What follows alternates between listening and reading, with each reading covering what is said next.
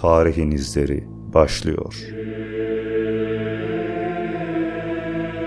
Lig Hristiyan sanatının örneklerinden biri olan kiliselerin duvarlarında dini sembolleri yansıtan frek sanatı, şimdilerde müzelere ve tarihi mekanlara ev sahipliği yapmaktadır. Kireç suyunda eritilen madeni boyalarla taze sıvı üstüne duvar resmi yapma sanatıdır.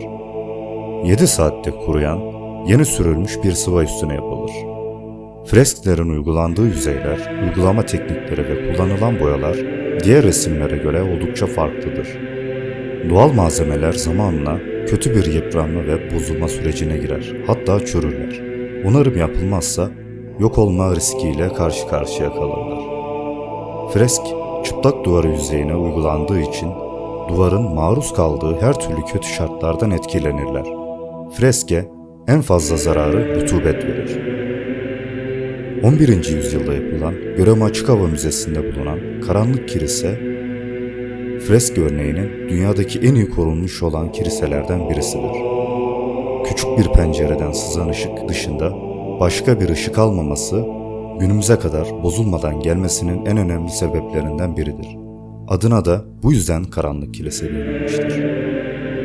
Kilisenin kayadan oyulan duvarlarına saman, alçı ve kum karışımı bir sıva uygulanırken üzerine de fresklerle bezenmiş merkezi kubbesinde bulunan sahneler Hazreti İsa'nın bir elinde İncil'i tuttuğu, diğeriyle ise kutsama işareti yaptığı Pontokrator İsa tasviri, birçok şekilde betimlenmiş melek tasvirleri, ortadaki apsiste bir yanında vaftizci Yahya, diğer yanında Hazreti Meryem'in insanlığı bağışlaması için yalvardığı Hazreti İsa'nın olduğu Desis sahnesi, Hazreti İsa'nın doğumu, Hazreti İsa'nın öldükten sonra Ülüler diyarına Hades'e gidişi ve şeytanın ayağının altına alışını gösteren Anastasis sahnesi.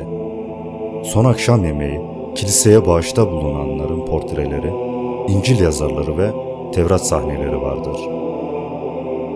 En iddialı ve nadide eserlerini dünya ünlü ressamlar Michelangelo ve Leonardo da Vinci vermiştir. Kıyamet günü, kutsal ziyafet temalı fresk eserleri ünlü ressamların en değerli yapıtları arasında yer almaktadır. Usta ressam Raffaello da muhteşem fresk eserlerini ile anılmaktadır. Özellikle Rönesans döneminde damgasına vuran ressam Michelangelo'nun ölümsüz eserleri bu sanatın mükemmel örneklerini sunmaktadır. Günümüzde insanların vandallıktan ötürü başlıca bozulma sebebidir. Ne yazık ki sıkça rastlanan bu tür bozulmalar bütün tarihi eserler için geçerlidir. İşin uzmanı olmayan kişilerce yapılan onarımların esere yararından çok zarar verebileceği bir gerçektir.